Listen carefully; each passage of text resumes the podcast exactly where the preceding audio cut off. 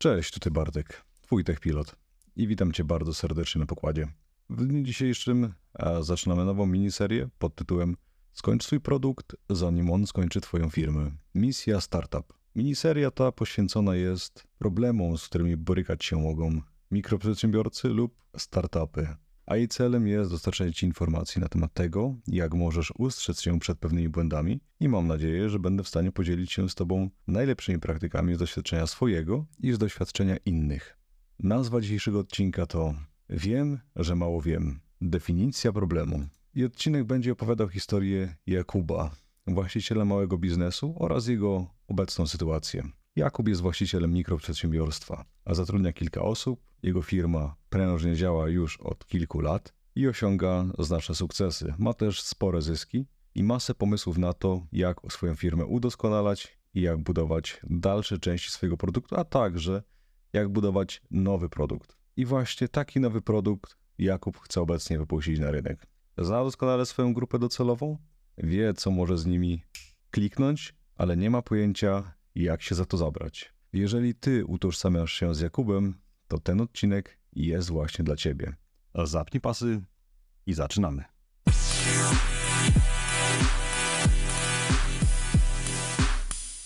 Na początek poznajmy lepiej Jakuba.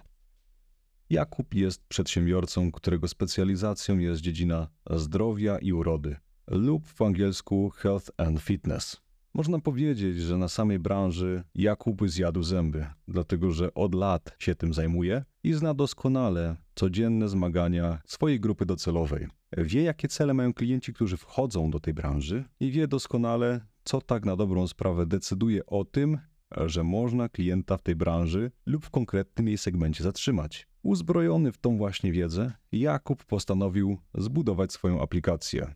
A uwierzcie mi, było to ogromne wyzwanie, dlatego że nie miał o tym zielonego pojęcia, a ponieważ Jakub jest osobą bardzo samodzielną i ambitną, zdecydował się, że zbuduje tą aplikację sam. Dlatego przysiadł do tematu, ogarnął języki programowania, ogarnął z grubsza architekturę i zabrał się za kodowanie. Po dłuższym czasie, walcząc z różnymi błędami i gasząc pożary, gdzie tylko się pojawiały, Jakub stworzył swoją aplikację. Aplikacja ta pozwalała na zbudowanie społeczności wokół pewnego obszaru fitness, dając członkom poczucie przynależności, a także ciesząc ich wzajemnie efektami, które doprowadzały także do zwiększonej motywacji. I właśnie to był czynnik kluczowy. Zbudowanie tej społeczności otworzyło oczy Jakuba na większą ilość problemów, których wcześniej nie był świadom. Zaczął dokładnie zagłębiać się w swoją grupę docelową i zrozumiał, że aby tą grupę docelową utrzymać, a nawet żeby ją powiększać, musi rozwijać swój produkt. Jakub w perspektywie dłuższego czasu inwestował w rozwój. Rozwój siebie i rozwój produktu. Siebie pod kątem technicznym, dlatego że musiał wciąż pisać kod i dodawać funkcjonalności do swojego produktu, i produkt pod kątem dodawania funkcjonalności, które mogłyby być interesujące dla jego grupy odbiorców. Jakub bardzo przykładał się do tematu, wsłuchiwał się w głos klienta i upewniał się, że to, co dostarcza, spełnia jego wymogi. I właśnie wsłuchując się w głos klienta, Jakub doszedł do momentu, w którym tych klientów było tak dużo, że musiał zatrudnić dodatkowych ludzi. Typowa historia skalowania biznesu. Jakub jednak nie popełniał błędów i nie skalował tego zbyt szybko, ale skupił się na ulepszeniu tego, co już ma, zatrudniając kilka osób, które pomagały mu z najprostszymi, najbardziej powtarzalnymi czynnościami, Jakub był w stanie skupić się na rzeczach kluczowych, a także na strategii produktu. Strategii, która doprowadziła go do następującego wniosku. Jego portfolio musi być zróżnicowane, aby równie zróżnicowane były źródła jego dochodów. Jakub doskonale wie, z czym wiąże się prowadzenie działalności gospodarczej w naszym kraju, a także zdaje sobie sprawę z tego, że środowisko, w którym operuje, jest bardzo konkurencyjne i bardzo zmienne. Mało tego, jednym z głównych kosztów Jakuba była inwestycja w reklamę, bez której jego produkt w zasadzie nie żył. Była to inwestycja na tyle ogromna, że niejednokrotnie w rozliczeniu miesięcznym Jakub robił się blady, patrząc na swoje balans sheety. To wszystko było bodźcem, który popchnął Jakuba do tego, aby zastanowić się nad kolejnym produktem, takim, który mógłby przyjąć funkcję poboczną i wspierającą, dywersyfikując źródła dochodów jednocześnie.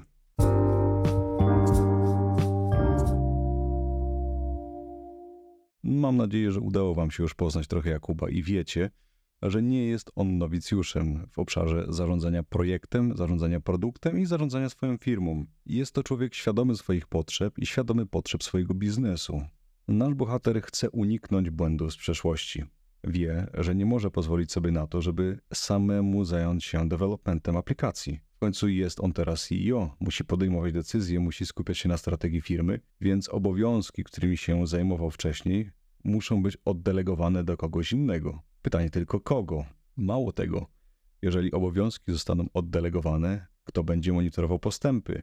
Jak Jakub będzie mógł upewnić się, że nie pali pieniędzy?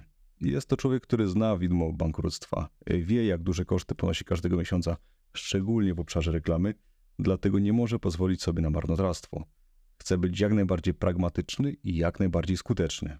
Dodatkowo potrzebuje kogoś, kto będzie w stanie doradzić mu zarówno w obszarze technologicznym, chodzi tutaj o dług technologiczny, o architekturę, języki programowania itd., tak ale także w obszarze produktowym, zarządzanie mapą produktu, strategią produktu itd. Tak Jak się pewnie domyślacie, sprawa ta jest niezwykle skomplikowana i Jakub ma tego świadomość, a dlatego szukając w internecie pomocy, nie jest w stanie dokładnie zdefiniować swojego problemu, właśnie ze względu na jego złożoność. Jakub wychodzi z założenia, i całkiem słusznie, że prowadząc firmę, należy rozwiązywać każdy problem, który pojawi się na naszej drodze.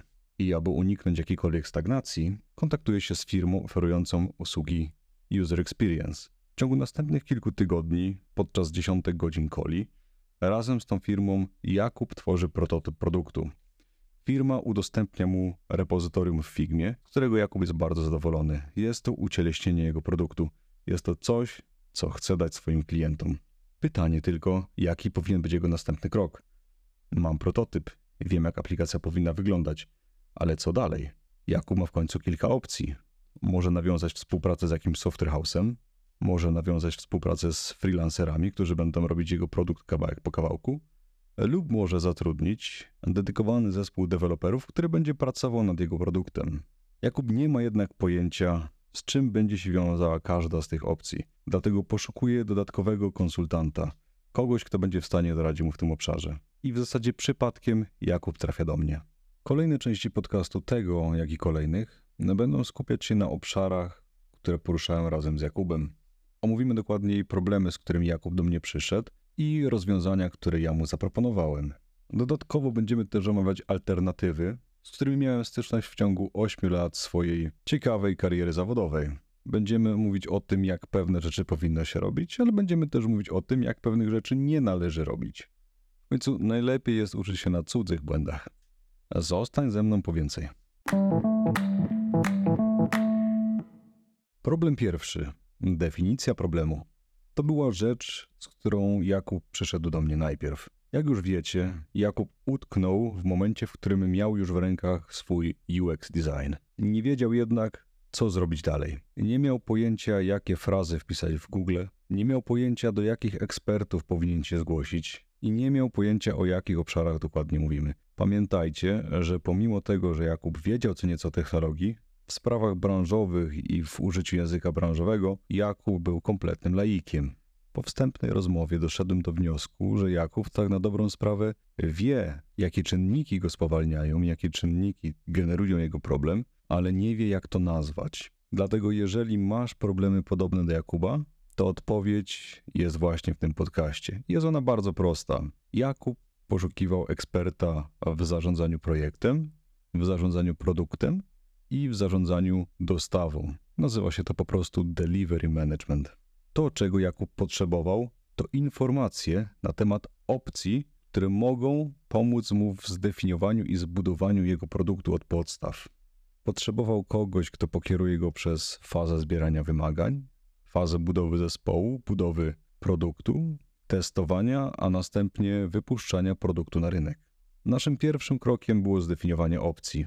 Jak już wspominałem wcześniej, tych opcji były generalnie trzy. Opcja pierwsza freelancerzy, opcja druga software house i opcja trzecia dedykowany team produktowy. Jakub podał mi swoje wymagania, z których jasno wynikało, że nie jest zainteresowany tym, żeby produkt jak najszybciej dostał się na rynek, jest zainteresowany tym, żeby rozbić koszty na kilka miesięcy. Nie chciał ponosić ogromnych kosztów jednego miesiąca, dlatego, tak jak wspominał wielokrotnie, chce zachować płynność finansową. I właśnie z tego powodu przedstawiłem Jakubowi dwie opcje. Opcja pierwsza to jest nawiązanie współpracy z freelancerami i rozbicie projektu na większą ilość krótszych faz. Krótkie iteracje, które będą za każdym razem przynosić wartość jego produktowi. W razie potrzeby zatrudni architekta, który doradzi w sprawach utworzenia repozytorium kodu. W razie potrzeby zatrudni dewelopera, który ten kod napisze. Jeżeli będzie taka potrzeba, zatrudni również tech który będzie nadzorował pracę tego dewelopera. Może zatrudnić również eksperta w dziedzinie produktu, aczkolwiek tutaj akurat ja pomagałem mu w tym obszarze, ale może również zatrudnić eksperta w dziedzinie UX, żeby poprawić swój prototyp i tak dalej, i tak dalej. Wybierając tą opcję, Jakub jest w stanie kontrolować koszt. To trochę tak, jakby porównać to do rozwiązania chmurowego. Wydatki utrzymujemy w granicach tych operacyjnych i płacimy w zasadzie tylko i wyłącznie za użycie.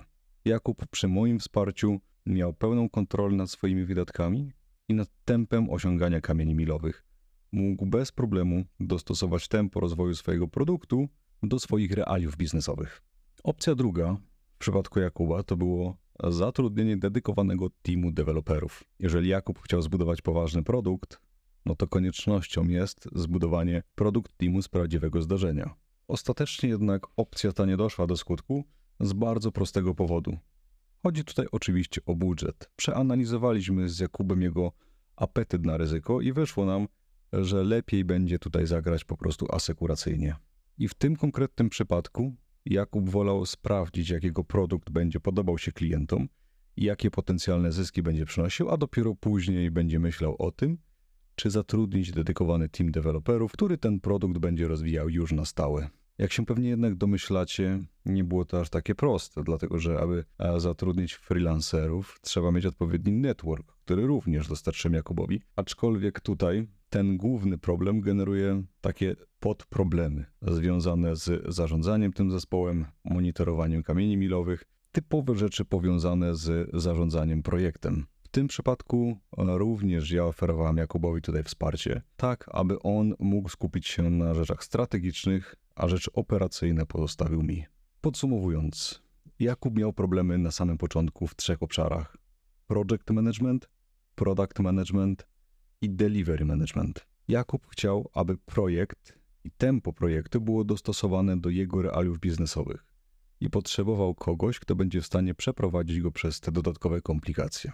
Po rozwiązaniu tego konkretnego problemu, Jakub mógł przejść do kilku kolejnych, o których zresztą będziemy rozmawiać w dalszej części tego podcastu i w dalszej części miniserii tych podcastów. I przypominam, że miniseria nazywa się Skończ swój produkt, zanim on skończy Twoją firmę. Misja Startup. Zostań ze mną na ciąg dalszy.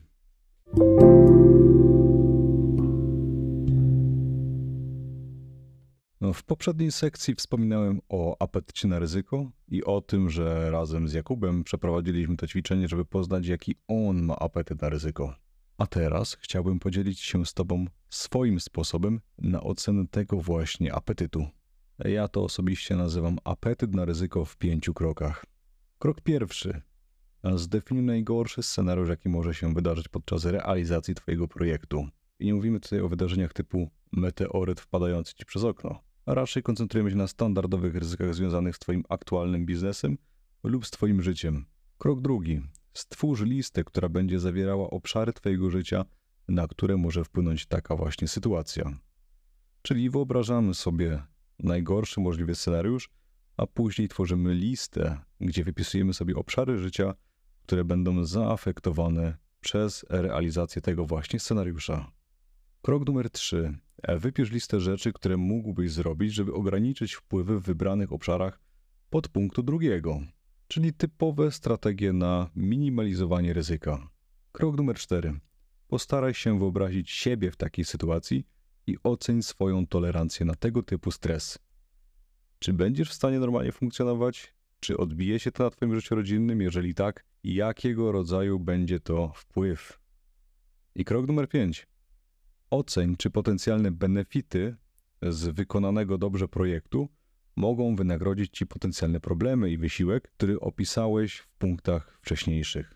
Jeżeli według Ciebie benefity są w stanie wynagrodzić Ci potencjalny stres, potencjalne problemy, to znaczy, że obecny projekt w granicach obecnych ryzyk jest czymś, na co możesz sobie pozwolić. Jeżeli nie, to dwa razy się zastanów nad tym, czy chcesz w ogóle zaczynać. To by było na tyle w sekcji Lifehack. I teraz przejdziemy do podsumowania całego podcastu. Zapraszam.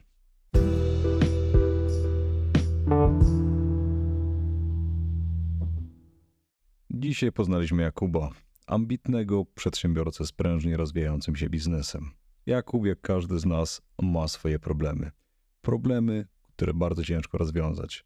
Ale dzięki swojemu uporowi i dzięki temu, że udało mu się nazwać swój problem, Jakubowi udało się uniknąć stagnacji. A patrząc na dzisiejszy, bardzo szybko rozwijający się i zmieniający się świat, właśnie to jest klucz do przetrwania biznesu.